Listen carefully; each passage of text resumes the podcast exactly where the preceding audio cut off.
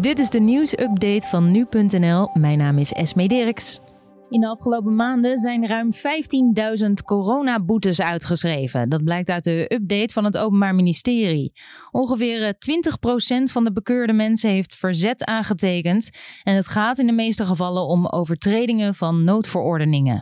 De man die een agent neersloeg bij een trouwstoet in Rotterdam moet anderhalf jaar de cel in, waarvan zes maanden voorwaardelijk.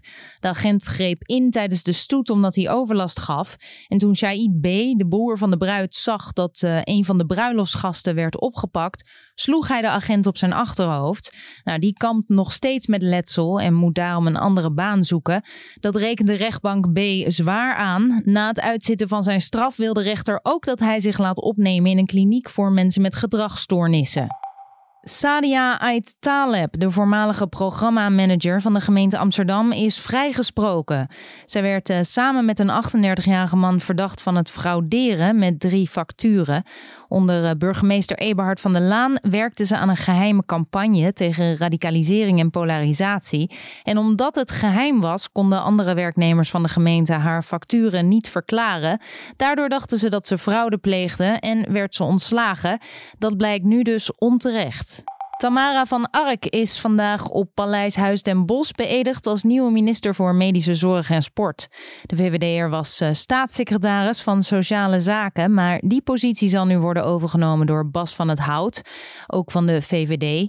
Van Ark uh, neemt het stokje over van Van Rijn, die minister Bruins tijdelijk overnam toen die kampte met oververmoeidheid. Bij voetbalwedstrijden mogen voorlopig geen uitfans komen. Dat schrijft de KNVB in het coronaprotocol. Daarin staat waar clubs en spelers en ook toeschouwers in het betaald voetbal zich het komende seizoen aan moeten houden.